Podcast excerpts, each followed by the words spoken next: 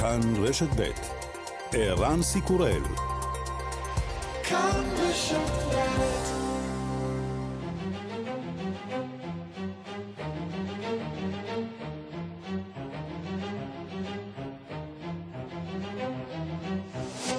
השעה הבינלאומית 6 בפברואר 2022 והיום בעולם. ארצות הברית מעריכה כי רוסיה פרסה 70% מהכוחות הנחוצים לה לפלישה לאוקראינה בשטחה ובשטח בלרוס. בוושינגטון מעריכים כ-50 אלף אזרחים ימותו אם אכן תתרחש פלישה כזאת שתגרום משבר פליטים קשה באירופה. ארצות הברית ממשיכה להזרים 3,000 חיילים לבעלות בריתה במזרח אירופה. משלוח ראשון נחת אתמול בפולין. Do Polski przybyły już pierwsze elementy Brygadowej Grupy Bojowej z 82 Dywizji Powietrznej. מדובר ב-1,700 חיילים שהגיעו לפולין, מספר דובר הצבא הפולני, יחידת עילית של צבא ארצות הברית, מצוידת ומאומנת למשימות כאלה. שיתפנו איתם פעולה בעבר בעיראק ובאפגניסטן. ואילו נשיא בלרוס, אלכסנדר לוקשנקו, מפגין שרירים כלפי השכנה אוקראינה. Украина никогда с нами не будет воевать. Эта война продлится, Володя, ну максимум 3-4 дня. אוקראינה לעולם לא תילחם נגדנו, המלחמה הזאת תימשך מקסימום שלושה-ארבעה ימים. לא יהיה שם אף אחד שיילחם. לוקשנקו לא מתרגש מן הסיוע ששולח המערב לחברות בנאטו. עד שהם ישלחו קצת כוחות לכאן, אנחנו נהיה בתעלת למאנש. באוסטריה נכנס לתוקפו החוק שמחייב חיסונים, בדנמרק משחררים כפתור ומבטלים את כל מגבלות הקורונה. האורחים שקיבלתי בחזרה היו שמחים שמחים מאוד, אומר טומי אנדרסן, מנהל dance bar בקופנהגן. אנשים סיפרו לי שהם התגעגעו להיות פה. הגיעו לכאן אנשים שהפכו לבני 18 בשנתיים האחרונות, ומעולם לא יצאו למקום כזה קודם. עכשיו הם יכולים. הם מתרגשים מאוד לצאת לדנס בר בפעם הראשונה. אחרי דנמרק גם שוודיה מצטרפת לחגיגה.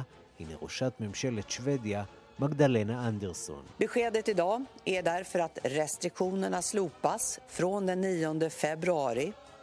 אנחנו מודיעים היום שהמגבלות יוסרו בתשעה בפברואר. כל המעסיקים שיש להם עובדים בבית מתבקשים לתכנן את חזרתם ההדרגתית לעבודה.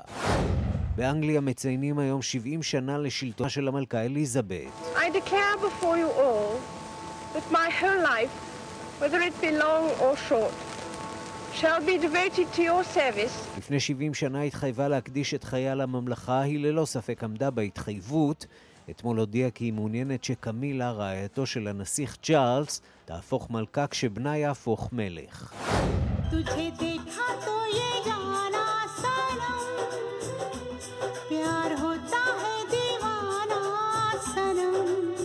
הלכה לעולמה מקורונה לטה מנגשקר, אחת הזמרות המצליחות בהודו והיא בת 92, במהלך חצי מאה של קריירה הקליטה שירים ב-36 שפות. הודו הכריזה אבל לאומי שיימשך יומיים. וגם, down. ישראל שיגרה אתמול לאירוויזיון את מיכאל בן דוד. מה חושבים בלוגרים על הבחירה? Israel, you picked the right person today. I thought it was uh, a really good song, uh, performed really well. I think that's a very strong entry. You ready? I need to relax here for a moment. That was fantastic. הם בהחלט מתלהבים מן היצוא הישראלי. אנחנו מתלהבים לא פחות מהבחירה של איטליה, ששיגרה שוב את מחמוד,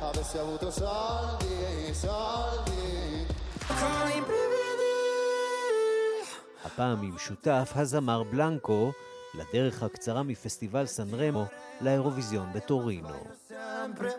E E pagherai per andar via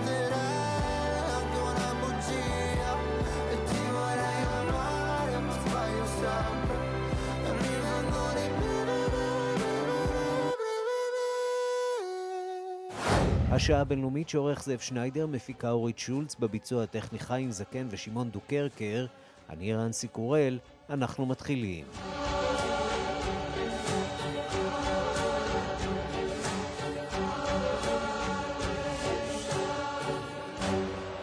שלום רב לכם. אז כולם מדברים על דיפלומטיה, אבל מכינים את הנשק. המשבר באוקראינה, כך לפחות סבורים מומחים רבים למדעי המדינה, נופח מעבר לכל פרופורציה, והניפוח הזה הוא זה שמאיים כעת להביא להתלקחות אמיתית באירופה, רחוק מאמריקה, אבל קרוב אלינו במזרח התיכון. אפילו טורקיה, שרואה עצמה כגשר בין מזרח למערב, נכנסה עכשיו לתמונה. אנחנו פותחים עם דיווחה של כתבת חדשות החוץ, נטליה קנבסקי.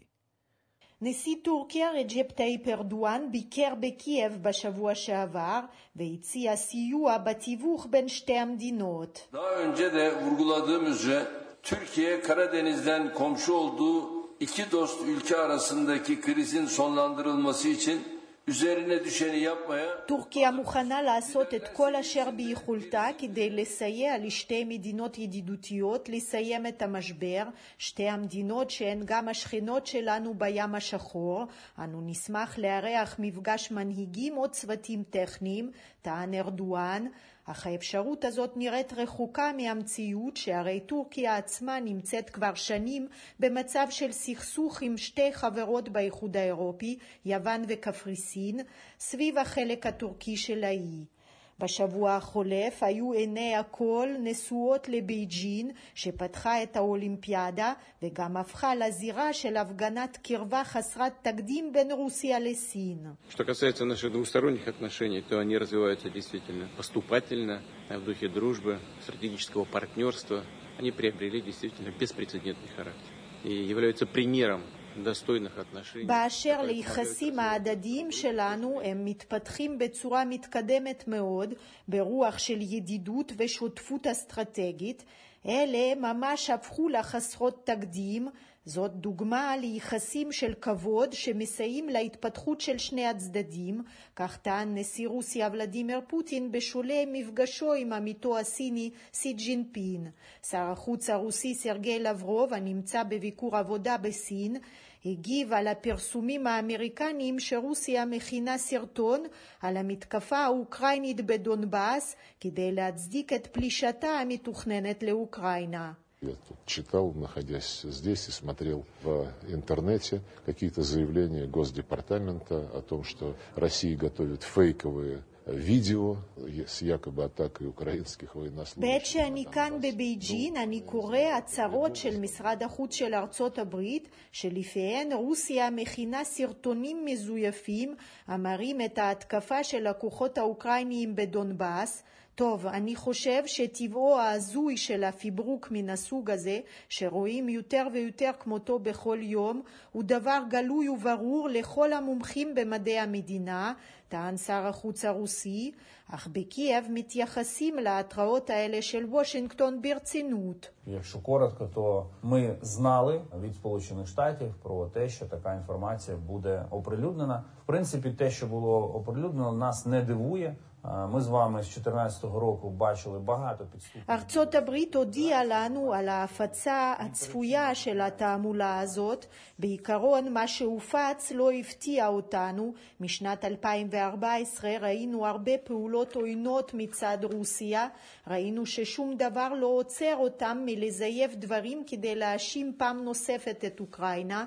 כך היה בעת הכיבוש הבלתי חוקי של קרים, הכל קרה תחת הכותרת המזויפת, כשלחיילים הרוסים שם לא היו שום סימני זיהוי, אך הכל ידעו שאלה רוסים, כך שחשוב מאוד לפרסם את המידע על התוכניות של רוסיה ולתת מענה הולם. נמשיך בשיתוף פעולה מודיעיני עם ארצות הברית כדי לחשוף את תוכניותיה של רוסיה, אמר במסיבת העיתונאים בקייב בסוף השבוע שר החוץ של אוקראינה דמיטרו קולבה. מעט זמן לפני כן הודה ראש ממשלת אוקראינה דניס שמיכל לשותפיה המערביות על תמיכתן הצבאית. This is great danger for our country, so we are very grateful to our partners, to European Union, to countries members of European Union for support because our country wouldn't like have the war. We would like to have a peace, we would like to develop, we would like to be integrated into the מדובר בסכנה גדולה למדינה שלנו, לכן אנו אסירי תודה לשותפות שלנו, לאיחוד האירופי והמדינות החברות בו, כי המדינה שלנו לא רוצה מלחמה, אנו רוצים שלום, אנו רוצים להתפתח, להיקלט באיחוד האירופי. חשוב לנו לפתור את ההסלמה הזאת בדרך דיפלומטית, בדרך של שיחות, של תמיכה מצד השותפות שלנו. עיצומים הם כלי חשוב ביותר, ציין ראש ממשלת אוקראינה, ומיד הדגיש שהודות לתמיכה הזאת לאוקראינה יש כעת אחד הצבאות הגדולים ביבשת האירופית. בפעם הראשונה בשמונה השנים האחרונות אוקראינה מקבלת תחמושת מיוחדת לצבא מהשותפות שלנו, כך שהתמיכה המערבית באה בשני מישורים, לצד הדיפלומטיה הלא כל כך מוצלחת לעת הזאת, מגיע לאוקראינה זרם של אמצעי לחימה וגם החיילים האמריקניים מגיעים קרוב לגבולותיה, מחר הם יהיו כבר בפולין. כל זה אינו נראה כמתן העדפה לדיפלומטיה, ובתנאים האלה ספק אם נשיא צרפת עמנואל מקרון, שצפוי להגיע מחר למוסקבה וביום שלישי לקייב, יצליח להביא להפוגה במתח, שהרי כפי הנראה מישהו אחר במוסקבה או בוושינגטון כבר החליט איך בדיוק יתפתחו הדברים בימים הקרובים. ארצות הברית מעריכה כי רוסיה יכולה לפלוש לאוקראינה בכל רגע נתון ולהגיע בתוך יומיים לבירה קייב. ראשי הצבא האמריקני מעריכים כי עשרות אלפי אוקראינים יהרגו בקרבות, מיליונים יהפכו פליטים אם אכן תפרוץ מלחמה. שלום לכתבנו בוושינגטון, נתן גוטמן. שלום ערן. ההערכות האלה בעצם נותנות לנו בפעם הראשונה תמונת מצב על המחיר הכבד שהמתיחות באוקראינה עלולה לגבות. כן, תמונת מצב מאוד מחרידה לטעמי, והנתונים האלה באים אחרי תדרוכים ממושכים שנתן יושב ראש המטות המשולבים, הגנרל מילי, לבכירים בקונגרס בסוף השבוע האחרון וביום חמישי, ומה שיצא משם, או לפחות המסרים שהודלפו, היו באמת נתונים מאוד קשים. קודם כל לגבי הזמינות והאפשרות שמלחמה אכן תפרוץ, האמריקנים חושבים ש... פוטין יכול לצאת למלחמה, שהכוח שלו כבר ב-70 אחוזים בנוי בשטח ושהוא יכול להגביר אותו בזמן הקצר הקרוב, ושמועד היעד ככל הנראה, למרות שזה יכול להיות מיידי, יותר סביר שזה יהיה מאמצע החודש, כלומר בעוד כעשרה ימים, כאשר יהיו בטוחים שהאדמה קפואה וניתן להעביר עליה כוחות גדולים.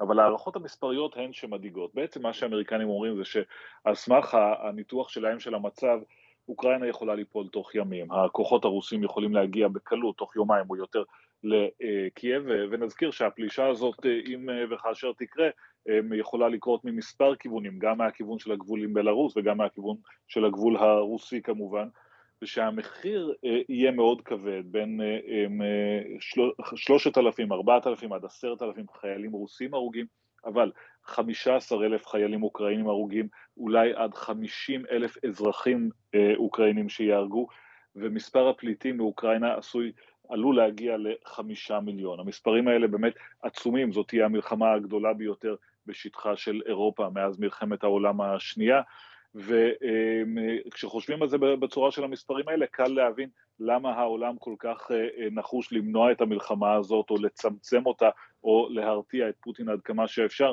כי זה לא משהו שיגמר מהר, ההשלכות של זה יורגשו בכל אירופה למשך שנים ארוכות. זהו, כי זה לא תמיד ולכן... עולה בקנה אחד, הניסיון לפייס, להגיע להסדר, והניסיון להרתיע, שתי מטרות שסותרות קצת זו את זו.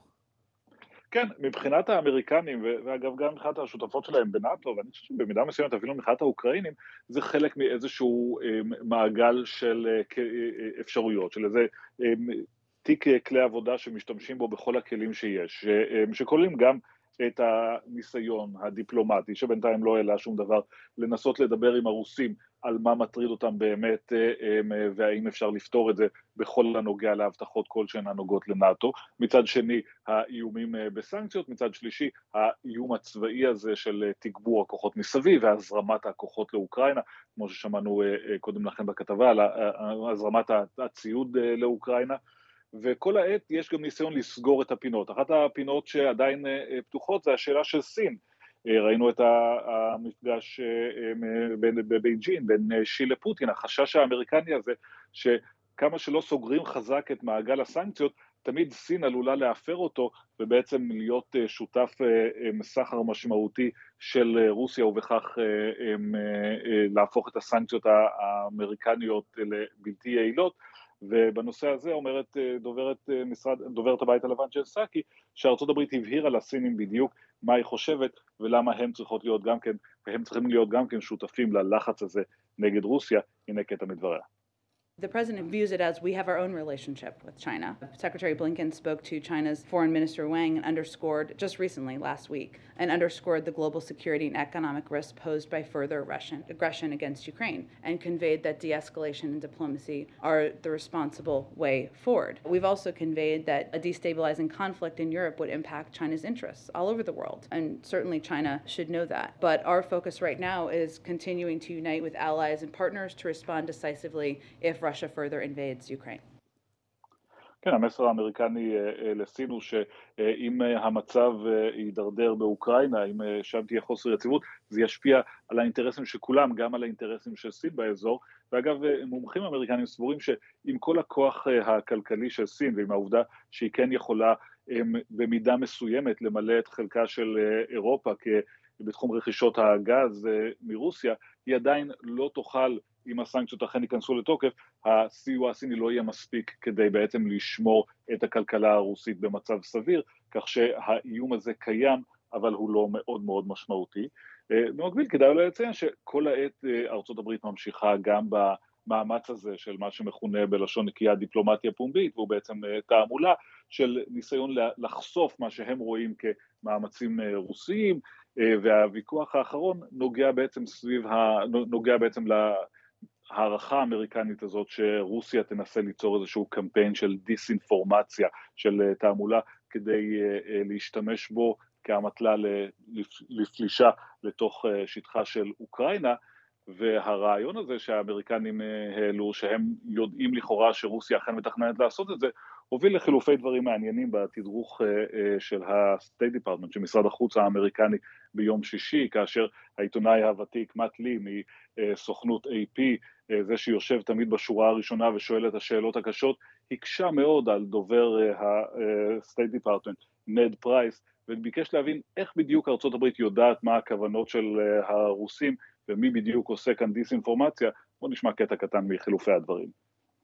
One, the actions I've just pointed to. Uh, the what fact, the, the fact that Russia continues to engage in disinformation well, uh, you know, campaigns. you made an allegation that they might do that. Have they actually done it? Uh, what we know, Matt, is what we what I have just said that they have engaged in this activity, Well, uh, in engage this in what? planning Hold on a activity. second. What but but let me activity? let me What because because activity? obviously this is not the first time we've made these reports public. You'll remember that just a few Well, weeks I- ago. I'm sorry. you- Made, made, made, made כן, what? אז אה, חילופי הדברים האלה נמשכו יותר מחמש דקות, וחוץ מלהתיש את אה, דובר משרד החוץ, לא יצא מהם איזושהי שורה תחתונה, חוץ מזה שכדאי לזכור לפעמים שבכל הצדדים מנסים להשתמש במידע, לא תמיד נותנים לעיתונאים את מלוא האפשרות, לפחות בצד האמריקאי אפשר עדיין לשאול את השאלות הקשות. נתן גוטמן, כתבנו בוושינגטון, תודה. תודה רבה. אז מה תעשה רוסיה? האם היא תפלוש לאוקראינה? בשלב הזה נראה שפוטין אה, רואה את אירופה מפוצלת וחלשה. אה, החולשה האמריקנית אה, של נשיא ארצות הברית שלא מעוניין במלחמה, הוא רואה גם אותה. וגם את ראש ממשלת אה, בריטניה, שמצבו במדינה לא מזהיר בשלב הזה, אין מי שיכול לעצור את פוטין, ובמידה ואכן יחליט אה, לפלוש אה, לאוקראינה, מצבם של האוקראינים כנראה יהיה בכי רע. שלום ליאיר נבות, עיתונאי ופרשן לענייני רוסיה ומדינות ברית המועצות לשעבר. שלום ערן. אז מה זה סיפור סגור? פוטין אה, ילך על פעולה באוקראינה כזאת או אחרת, גדולה או מוגבלת? טוב, אנחנו כמובן לא יודעים אה, בוודאות מה החליט הנשיא פוטין, ואם הוא החליט עדיין, צריך לומר. וצריך גם אה, אה, לומר שאנחנו עדיין מקווים שיש סיכוי לדיפלומטיה. אני רוצה להזכיר שמחר אמור להגיע למוסקבה נשיא צרפת עמנואל מקרון, הוא אמור להיפגש עם הנשיא פוטין, וביום שלישי הוא אמור לעבור ממוסקבה ישירות לקייב, להיפגש שם עם הנשיא זלנסקי, ואגב, מחר, באותו זמן, באותו יום שבו פוטין ומקרון אוהדים, יגיע הקנצלר שולץ, הקנצלר החדש, לוושינגטון לפגישה עם הנשיא ביידן, וב-15 בפברואר, זאת אומרת בערך עוד עשרה ימים, אמור הקנצלר להגיע למוסקבה. אז זאת אומרת, אנחנו כן ממשיכים לראות סוג של פעילות דיפלומטית אינטנסיבית מאוד, של שיחות טלפון, הנשיא פוטין שוחח עם הנשיא מקרון שלוש פעמים במהלך השבוע שעבר, אז מצד אחד יש פה בהחלט מאמץ דיפלומטי לנסות ולפתור את העניין הזה, אבל מצד שני, ואנחנו רואים היטב את, ה, את התמונות ואת ההערכות של המודיעין האמריקני וגם של שירותי ביון אחרים במערב, על כך שהתמונה עצמה בשטח היא מאוד מאוד ברורה, לא רק שהרוסים לא משיגים את הכוחות שלהם מאזור הגבול, כפי שדורשים עמיתיהם מאירופה ומאוקראינה, אלא שהם ממשיכים בהיערכות מאוד מאוד מסיבית בשלושה כיוונים מסביב לאוקראינה, ולכן אני חושב שאנחנו נמצאים כרגע בנקודה קריטית, שבה הנשיא פוטין צפוי להחליט בקרוב מאוד, אם הוא עדיין לא החליט, מה בדיוק הוא עומד לעשות, והוא רוצה להגיע למצב שבו הכוחות בשטח יהיו ערוכים במידה שהוא אכן יורה על פעולה. אני חושב שצריך לקחת בחשבון שהאפשרות של פעולה רוסית נרחבת מאוד באוקראינה היא אפשרות מאוד מאוד מוחשית. עכשיו רוסיה אומרת, אין לנו שום כוונה לפלוש לאוקראינה, הם חוזרים על הסיפור הזה שוב ושוב. לעומת זאת אנחנו שומעים את נשיא בלרוס אלכסנדר לוקשנקו, אומר, אנחנו, אם אנחנו ניכנס לתוך אוקראינה, אנחנו נגמור את הסיפור הזה בתוך ארבעה ימים. והוא גם לא מתרשם מהכוחות במערב, הוא אומר, עד שכוחות המערב יגיעו לכאן, אנחנו כבר נהיה בתעלת למאנש, התבטאויות של מנהיג אירופי שאי אפשר שלא להיבהל מהן. כן, צריך לומר שהנשיא לוקשנקו נוקט בזמן האחרון ברטוריקה מאוד מאוד חריפה בקשר לאוקראינה. הוא גם אמר לפני כמה שבועות, הוא אמר בפומבי, משפט שאז הרים הרבה מאוד גבות, הוא אמר אנחנו ניקח את אוקראינה. לא ברור אם זה היה במכוון להלחיץ או שזה נפלט לו, אבל אלה, אלה דברים כמובן מאוד מאוד חריפים וחריגים, וצריך גם לזכור את העמדה שבה עומד לוקשנקו. לוקשנקו בעצם עמד מול מחאה עממית ציבורית מאוד מאוד נרחבת שאיימה על שלטונו, ולמעשה מי שככל הנראה הצילה אותו באופן מעשי, הצילה את שלטונו זו מוסקבה. והוא מבין את זה היטב, והוא מיישר פשוט קו עם רוסיה, נוקט בשפה מאוד מאוד מתלהמת, ואם אכן תהיה מתקפה, התרחבות של הפעולה הרוסית נגד אוקראינה, הרי שאחד התסריטים המוחשיים הוא כמובן כניסה של כוחות רוסים גם מכיוון בלרוס, יכול מאוד להיות שלוקשנקו בעצם אומר במילים את מה שהנשיא פוטין לא אומר, וזה איזשהו, אולי איזושהי שאיפה ליצור סוג של איחוד סלאבי, אם תרצה, בין אוקראינה, בלרוס ורוסיה. הנשיא לוקשנקו התבטא ברוח הזאת לאחרונה כמה וכמה פעמים, אבל אני חושב שחשוב גם להביט על כל מה שמתרחש במבט רחב יותר, שמתקשר גם ליחסים שהולכים ומתהדקים בין מוסקבה לבין בייג'ין.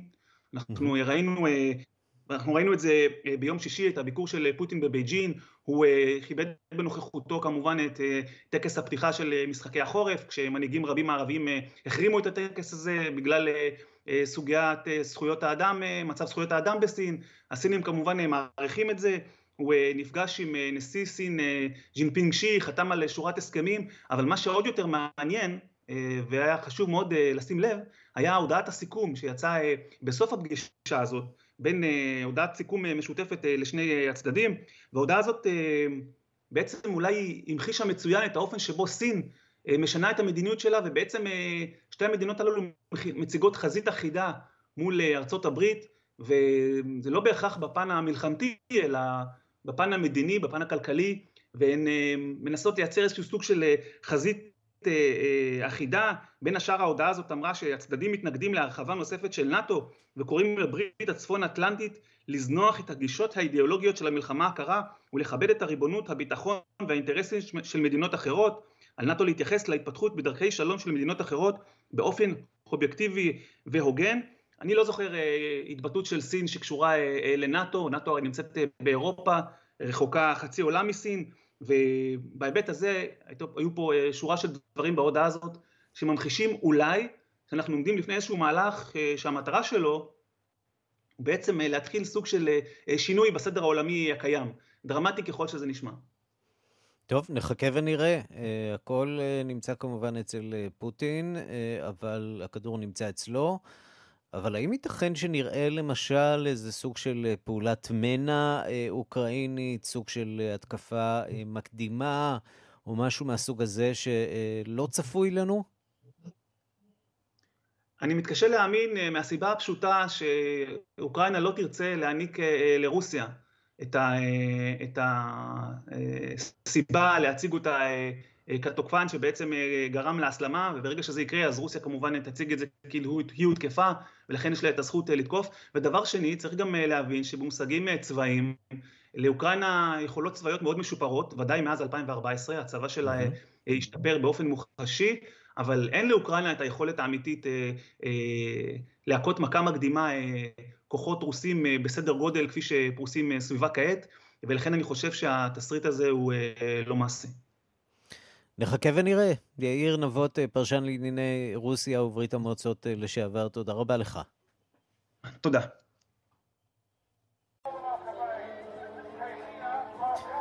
כן, ברקע אתם יכולים לשמוע את השידור החי שמגיע עכשיו מרוטרדם, שם מתקיימת בשעה זו הפגנה נגד מגבלות הקורונה, ולא רק בהולנד, בכל רחבי העולם מתקיימות היום הפגנות. והן נמשכו בסוף השבוע, בעיקר בקנדה, שם המשיכו לצור על הפרלמנט באוטווה. שלום לכתבנו יואב זהבי.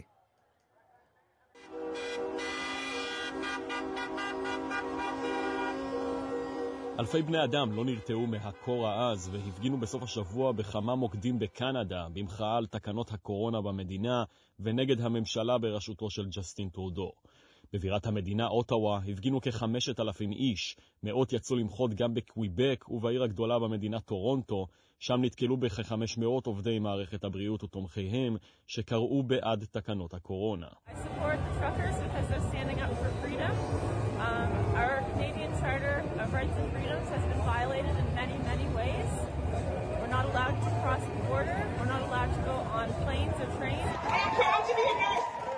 אני תומכת בנהגי המשאיות כי הם עומדים על זכותם לחופש. כתב הזכויות הקנדי הופר בכמה וכמה דרכים.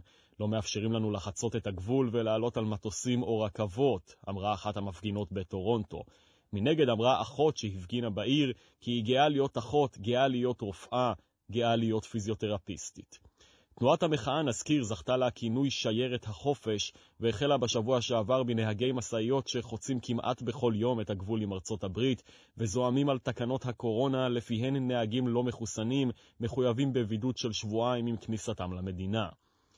בבייג'ין נכנסו היום משחקי החורף האולימפיים ליום השלישי, ואתמול דווח כי עשרה מקרי קורונה אותרו בקרב האנשים הקשורים במשחקים, ירידה של 35 מקרים בהשוואה ליום שישי, אז נערך טקס הפתיחה. ארבעה מתוך אותם עשרה נמצאו חיוביים עם נחיתתם בנמל התעופה של בירת סין, ששת האחרים מצויים בבועה האולימפית הסגורה שמפרידה אותה מהציבור הרחב.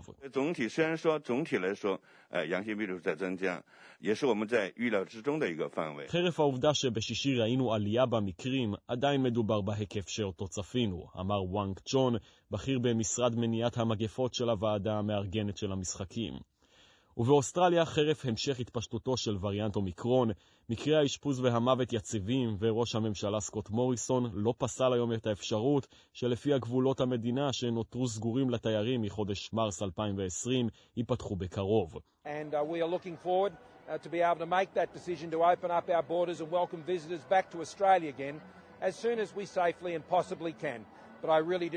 uh, אנחנו מצפים לקחת את ההחלטה, לפתוח את הגבולות ולקבל שוב מבקרים לאוסטרליה בהקדם האפשרי. אני לא מאמין שזה ייקח עוד זמן רב, אמר מוריסון. בסוף השבוע דיווחו כמה כלי תקשורת באוסטרליה כי המדינה עשויה לפתוח את גבולותיה לתיירים בשבועיים או בשלושת השבועות הקרובים. בהמשך השבוע יעלה הנושא בפני הפרלמנט בקנברה. מכאן למשחקי אולימפיאדת החורף בבייג'ין, אה, בירת סין, שבינתיים אה, ביומה השני בלבד כבר מייצרת אה, לא מעט כותרות, הן בתחרויות והן מחוצה להן. שלום ליואב ברוביץ', מה שלומך? מצוין, ערן, מה שלומך? עדכן אותנו על מה שקורה שם. קודם כל, בתחרות הסקי האלפיני, ברנבש סולוש, הגולש הישראלי ממוצא הונגרי, שאמור להתחרות היום, אז יעל ארד מספרת לנו שהתחרות שלנו נדחתה. ב-24 שעות בגלל תנאי מזג אוויר, רוחות מאוד חזקות. אבל ערן, אתה יודע, המשחקים בבייג'ין מייצרים כותרות גדולות, גם בתחרויות עצמן, גם מחוץ לתחרויות. קודם כל, בתחרות, עצ... בתחרות עצמה, לפנות בוקר, מדינת ניו זילנד הקטנה, חמישה מיליון תושבים בלבד, זוכה לראשונה במדליית זהב במשחקי החורף, וזאת באמצעות גולשת הסנובורד הצעירה, זוהי סדובסקי סינות בת ה-20, שלקחה את הפרס הגדול מכולם באחד הענפים הכי אטרקטיביים באולימפיאדה. כך נשמע השידור של הזכייה שלה ברשת NBC האמריקאית. And who gets which. Okay, perfect. That was a beautiful landing. She's heading to the second feature. Oh 10. my goodness, that was a beautiful 1080. Okay, here we go. And back to back 10s. Huge landing in the And the 92.88 Zoe Sadowski Sinnott has done it on the final run of competition. She grabs the gold. סלדובסקי סינות הופכת באמת לכוכבת על בספורט העולמי היום עם הזכייה הזו, אבל אם אנחנו חוזרים לרשת NBC, שהיא כמובן ערוץ הטלוויזיה הגדול בעולם, מבחינת שידורי האולימפיאדה ותשלום הזכויות שידור, אז היום NBC מדווחת, ערן, כי בטקס הפתיחה, המרהיב יש לומר, מיום שישי האחרון, רק 14 מיליון אמריקאים צפו בו, וזה מספר קטן מאוד, כמחצית מהכמות שצפתה בטקס הפתיחה של משחקי החורף ב-2018 שנערכו בדרום קוריאה. מה ומס... קורה כאן? זה המעבר אולי משידור של כלי תקשורת אה, ממלכתיים שפתוחים לכל אה, אה, צפייה של מינויים? או שהמשחקים האולימפיים אחרי המשחקים שהיו בטוקיו זה צפוף מדי, זה קרוב מדי. אז באמת זה שילוב של כמה סיבות, כי קודם כל אנחנו מדברים על מספר הצופים הקטן ביותר מאז 1980, באמת, הרבה מאוד שנים. אז הירידה החדה באמת, כפי שאתה אומר, קודם כל באמת קרוב מדי למשחקי טוקיו. דבר שני, שעות השידור בארצות הברית לא ממש נוחות, טקס הפתיחה נערך ב-7 בבוקר, למרות שמראים אותו לאחר מכן בפריים טיים, והמספר צופים היה קטן מאוד. אתה יודע, דבר... גם בארץ אני לא מכיר המון אנשים שישבו בשתיים בצהריים וצפו באירוע הזה. נכון, אנחנו נכון. צפינו בעשר דקות ממנו, אה, ברגע שהתחילו המשלחות, אה, זה כבר... נהיה אה, סוג של אה, חיקוי חיוור של אה, משחקי הקיץ, אה, מין משלחות כאלה מדולדלות וקטנות, לא מאוד מרשים. יכול להיות שמה שקרה שם אחר כך היה מרשים מאוד, אבל אני כבר לא יודע. כן, אז הטקס עצמו באמת היה מרשים, אפילו יותר מרשים מאולימפיאדת אה, טוקיו, אבל הסיבה השלישית זה באמת ה... היח, היחסי ציבור הרעים מאוד שיש למשחקים האלה מבחינה פוליטית, תדמיתית, לא סתם נשיא ארה"ב ג'ו, ג'ו ביידן החליט להחרים את השתתפותו בטקס הפתיחה, הרבה מאוד מנהיגים הערבים החליטו לא להגיע בגלל שהם לא מרוצים מהיחס של סין כלפיהן, וכמובן זכויות אדם. מי שכן הגיע לטקס הפתיחה הוא ולדימיר פוטין, נשיא רוסיה, אבל גם הוא גנב את הכותרות בצורה, אתה יודע, מעוררת מחלוקת, כאשר צועדת המשלחת האוקראינית באיצטדיון, אז ולדימיר פוטין מצולם ישן, מנמנם, לא מסתכל בכלל לכיוון המסלול. אז זה באמת uh, נושא משמעותי. זה משעשע שכשמצלמים את ביידן מנמנם, אז זה נתפס כסוג של אה, חולשה, כשמצלמים את פוטין מנמנם, זה נתפס כמעשה של תוקפנות. נכון, כן. נכון, זה באמת הכל תלוי בפוזיציה. אז כמובן, ונושא נוסף שתופס כותרות באולימפיאדה זה הקורונה. יעל ארד אמרה לנו לפני שעה בחצי היום שבאמת היחס שם הוא מאוד מאוד מחמיר, הם כל הזמן בבועה, אסור להגיע ממקום למקום כמעט, לא מרגישים את המשחקים, אפילו יחס של הסינים הרבה יותר מחמיר מהיחס של היפנים בקיץ האחרון, אבל יש לזה גם תוצאות, כי היום ביממה האחרונה מתגלים רק עשרה מאומתים חדשים מבין אלפים רבים. וזאת לעומת 45 מאומתים היממה הקודמת, היממה של תחילת המשחקים, טקס הפתיחה. אז באמת, מבחינת מאומתים, מכל האנשים שהגיעו לאולימפיאדה, כמות קטנה ביותר. יואב ברוביץ', תודה. תודה לך, ערן.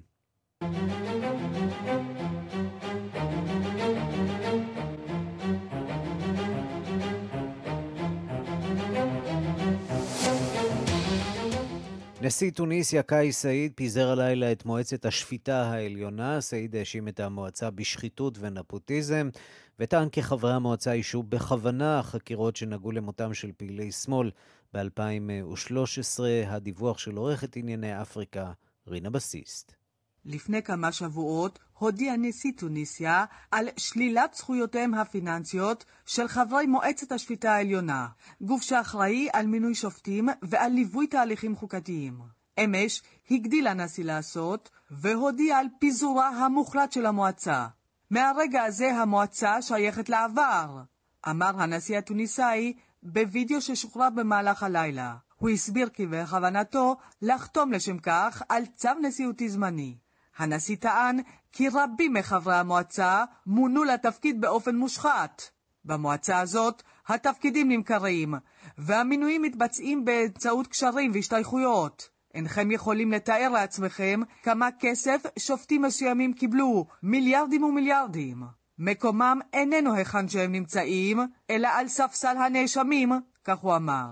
הנשיא התוניסאי גם טען כי חברי המועצה גרמו בכוונה לעיכובים בחקירות שנגעו למותם של פעילי אופוזיציה. סעיד התייחס באופן ספציפי למותו של שוקרי בלד, פעיל חילוני שנרצח מול ביתו בפברואר 2013. הנשיא טען כי חברי מועצת השפיטה ניסו לחבל בחקירה ולהסתיר את האמת על הרוצחים במשך שנים. למרבה הצער, במדינה שלנו, כמה שופטים בבתי המשפט עשו מניפולציות על תיק שוקרי בלד, כך אמר סעיד בווידאו. ב-25 ביולי בשנה שעברה הודיע סעיד על פיזור הפרלמנט ופיזור הממשלה. מאז הוא שולט במדינה באמצעות צווים נשיאותיים. בחודש דצמבר שעבר הוא הודיע שיקיים בקיץ הקרוב משאל עם על רפורמה בחוקה. הוא גם הודיע שיקיים בחירות לפרלמנט בדצמבר 2022. תומכיו של סעיד, תנועת ה-25 ביולי, מפגינים היום בבירת תוניס בעד פיזור מועצת השפיטה העליונה, או יותר נכון, בעד טיהורו של הגוף הזה, שאותו הם מחשיבים כמושחת במיוחד. מתנגדיו של הנשיא טוענים כי מדובר בצעד נוסף בהשתלטות הלא חוקית שלו לדעתם על טוניסיה כולה. גם הם מפגינים היום בתוניס. את פיזור הפרלמנט והממשלה בחודש יולי הם רואים כהפיכה של ממש. המפלגה האסלאמית הנאדה, שהיא המפלגה הגדולה בפרלמנט, טוענת כי הנשיא קאיס סעיד מנסה להרוס אותם, ולקחת מידיהם את השלטון באופן לא חוקי ולא דמוקרטי. האביב הערבי החל ב-2010 בתוניסיה, כאשר מוכר הדגים מוחמד בועזיזי הצית את עצמו במחאה על אטימות השלטון וידו החזקה. ההפגנות שפרצו לאחר מכן הובילו לנפילתו של הרודן בן עלי ולגלי הפגנות חסרות תקדים ברחבי העולם הערבי. בתוניסיה זכו האזרחים לרגעים של נחת כאשר החוקה שונתה והדמוקרטיה הוחזרה. אין עוררים על כך שקאי סעיד נבחר לנשיא באופן דמוקרטי, אבל יש הרבה מאוד אזרחים בתוניסיה שמערערים על זכותו של סעיד לנהל את המדינה בעצמו. כאן רינה בסיסט. השעה הבינלאומית, אנחנו לחגיגה מסוג אחר. Congratulations and celebrations when I tell everyone you're in love with me. Congratulations and jubilations. I want the world to know I'm happy as can be. כן, מזל טוב, מזל טוב למלכה אליזבת שחוגגת 70 שנות כהונה. אמש הודיעה המלכה אליזבת השנייה שקמילה, דוכסית קרונוול, תקבל את התואר מלכה כשהנסיך צ'ארלס יהיה מלך. ברחבי הממלכה, ביום שבו מוכרז על תחילת אירועי 70 שנות מלוכה. תוהים רבים האם זהו רמז שהמלכה תפנה את מקומה בקרוב. שלום לחוקרת התרבות ומומחית בית המלוכה שלנו, מירי קרימולובסקי. והתשובה היא לא. והתשובה, אני אגב אמרתי את זה לאורך תקופה ארוכה, שאנשים אמרו, היא בטח אה, תקפוץ דור, והיא תגיע לוויליאם וקייט הנחמדים. זה לא הולך לקרות, והיום היא גם רמזה בזה. היא לא תעשה אבדיקיישן, זה לא הטיפוס, היא לא תוותר, כן, היא לא קיסר יפן, והיא לא מלכת הולנד, היא אה, עובדת גם היום דרך אגב, אה, אבל היא הבהירה בזאת שהיא בהחלט חושבת שצ'ארלס ראוי להיות מלך, ותהיה לו גם מלכה. וזאת הודעה מעניינת, כי כולנו זוכרים כמובן, ועוד רואים את זה בכתר וכולי וכולי, mm-hmm. את uh, השנים הקשות, את שנות התשעים, השנים הקשות שלה עם קמילה, אבל צריך לומר שקמילה היא כבר לא צעירה כל כך, וכשמתבגרים מתנהגים אחרת, she's not the naughty girl שהיא הייתה. היא הפכה לחלק מהנוף של בית המלוכה, במידה רבה אה, מקבלת על עצמה הרבה מהמשימות המלכותיות, ממלאת בדיוק. מקום אה, בשם המלכה, עובדת קשה מאוד בכדי אה, להרוויח את מעמדה בבית המלוכה. בדיוק, שזה לא פשוט שוב על רקע באמת ההיסטוריה עם דיאנה, אבל נזכיר שזה הרבה שנים כבר, ומה שמעניין אגב בחגיגות הג'ובילי, ואני אולי אה, אומר שהיום בעצם זה היום שבו נפטר אביה, ג'ורג' השישי, ולכן מיום זה היא כמובן מלכה, אבל החגיגות הגדולות תהיינה ביוני, וכבר שמעתי כתבה שטעתה כשאמרה בעוד ארבעה חודשים, אה, צריך להזכיר שלמעשה ההכתרה הייתה ביוני לא באותה שנה, לא ב-52, אלא שנה אחרי, כי הייתה שנת אבל, אבל אה, בשנה זו החגיגות הגדולות תהיינה ביוני, מה-2 ביוני, שזה מעניין, כי היום אנחנו 6 לשני ואנחנו מדברים על 2 ל-6, זה מעניין החילוף תאריך הזה. היום אכן מתחילות החגיגות, אבל החגיגות שבהן תשתתף המלכה זה יהיה ביוני. בדיוק כמו שהיום הולדת שלה הוא באפריל, אבל עושים אותו ביוני, זה עניינים של, אה, אגב, גם מזג אוויר אה, קשור בזה. אה, מה שכן מעניין, וזה חשוב מאוד, כי אני ראיתי שבאמת לא מספיק מדברים על זה, הדברים במרכז החגיגות ממקמים שוב את המלכה אליזבת ואת המונרכיה האנגלית כמונרכיה החשובה ביותר בעולם. והאירוע החשוב, שני אירועים חשובים יש, וזה מעניין, הם מאוד שונים, אבל זה מעניין הבחירה. האחד הוא, המלכה ביקשה מהיום בכל רחבי הממלכה לשתול עצים חדשים ולטפל בכל מקום בעצים הזקנים ביותר. ולא סתם עצים חדשים, אלא עצים שהם, יש להם קיימות חזקה אה, בטבע, כן? אה, לנוכח אסונות טבע. מחויבות של המלכה לנושא הסביבה, אה, אולי מקדימה... אה, את הנסיך אה, צ'ארלס, שוודאי אה, מוביל קו דומה, מנסה אולי לענות על הצורך הציבורי להתייחס לסוגיות של איכות הסביבה. בדיוק, זאת אומרת, היא ממקמת את עצמה, בהקשר כמובן, ועידת גלסגו והכל, בנושא הזה. והדבר השני שהוא שונה לחלוטין, תחרות הפודינג. Not פודינג כמו שאנחנו מכירים, זה בעצם תחרות על קינוח אנגלי. מי ימציא קינוח חדש, קינוח אולטימטיבי? אגב, מי שימציא זה יותר ממאסטר שף, הוא יוזמן לארוחה שבה, חגיגית, שבה יכינו כמובן את הקינוח, והמלכה תשב שם, אני כבר מקנאה בו, הוא יהיה איש מאוד מאוד... הוא והקינוח שלו מאוד מאוד מפורסם, אבל שוב... מירי, אני משוכנע שגם uh, כמה מהקינוחים שלך uh, יכולים uh, להיות מועמדים. trifle, trifle, נכון. כן, כן, אבל, אז אל, אל, אבל אל תוותרי מראש. הבחירה היא מעניינת כי אתה רואה שמצד אחד אירוע שהוא לכל העולם, והיא אומרת, אני שומרת היום על הסביבה, אנחנו, ומהצד השני משהו מאוד אנגלי. כן? אנגליה מאוד חשובה לי, העם האנגלי צריך להבין שהיא אה, בעניין הזה, והאוכל, כן? אוכל, שוב, ברוח מודרנית מאוד, ברוח שהיום בכל העולם יש תוכניות מאסטר שף וכולי וכולי וכולי, כל הדברים האלה. אנחנו רק צריכים לקוות שהיא באמת תרגיש טוב עד יוני. היא במצב נפשי לא פשוט, וזה אה, דיווח לי גם מישהו ממחלקת העיתונות שלה. אה, כמובן בעקבות אה, אירועי אה, אנדרו, לא פשוט העניין הזה, אבל היא עובדת גם היום, ואולי אנחנו נשמע קטע מהעוגה החגיגית הנפלאה, אם דיברנו על אוכל שהכינו לכבודה.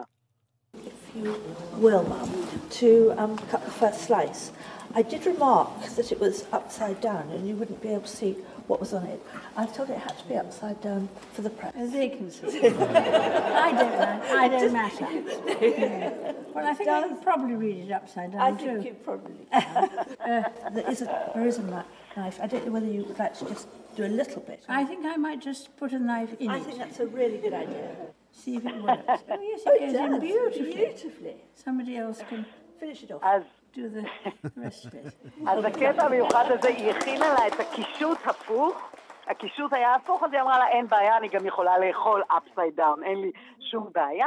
אני אזכיר אולי עוד אירוע מאוד יפה, והוא יהיה ביוני, לאורך הפלמו, לאורך, לאורך השדרה המרכזית שמובילה לארמון, יהיו 200 דגלים שציירו ילדים ברחבי אנגליה והקומונוולף וחבר העמים, בנושא, שוב, של קיימות והמלכה וחייה של המלכה, אומנות, אבל גם דבר שהוא לציבור הרחב.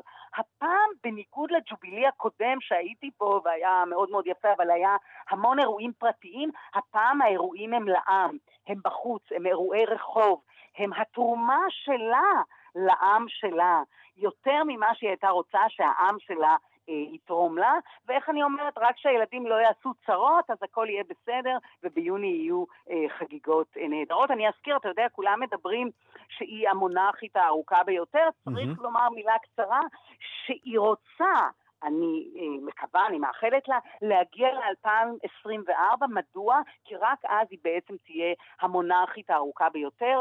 לואי קטורז, מלך השמש, מלך 72 שנים, הוא לא באמת מלך, הוא היה ילד קטן כשהוא, כשהוא עברה אליו המלוכה, אז לכן היא נחשבת, אבל בגדול היא מאוד רוצה להגיע להיות מלכה ב-24, ואנחנו אכן נאחל לה להגיע ל-72 שנות אה, מלוכה רגועות ומוצלחות. מירי קרימולובסקי, תודה. תודה לך, ערן.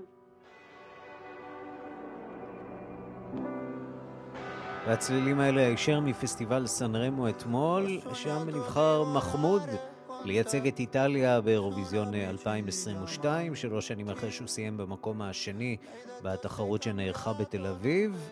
האיש אחראי ללהיט הענק סולדי ישוב וייצג את אה, ארצו, שעכשיו גם אה, כמובן תארח את אה, אירוע הגמר בטורינו. הפעם מחמוד לא יבוא לבד, איתו יגיע ראפר מקומי בשם בלנקו. אז הנה השיר של השניים האלה, בריבידי. A volte non so esprimermi E ti vorrei amare ma sbaglio sempre E ti vorrei rubare un cielo di perle ועד כאן השעה הבינלאומית, מהדורת יום ראשון שערך זאב שניידר, המפיקה אורית שולס, הטכנאים חיים זקן ושמעון דוקרקר. אני רנסי קורל, מיד אחרינו רגעי קסם עם גדי לבנה. להתראות.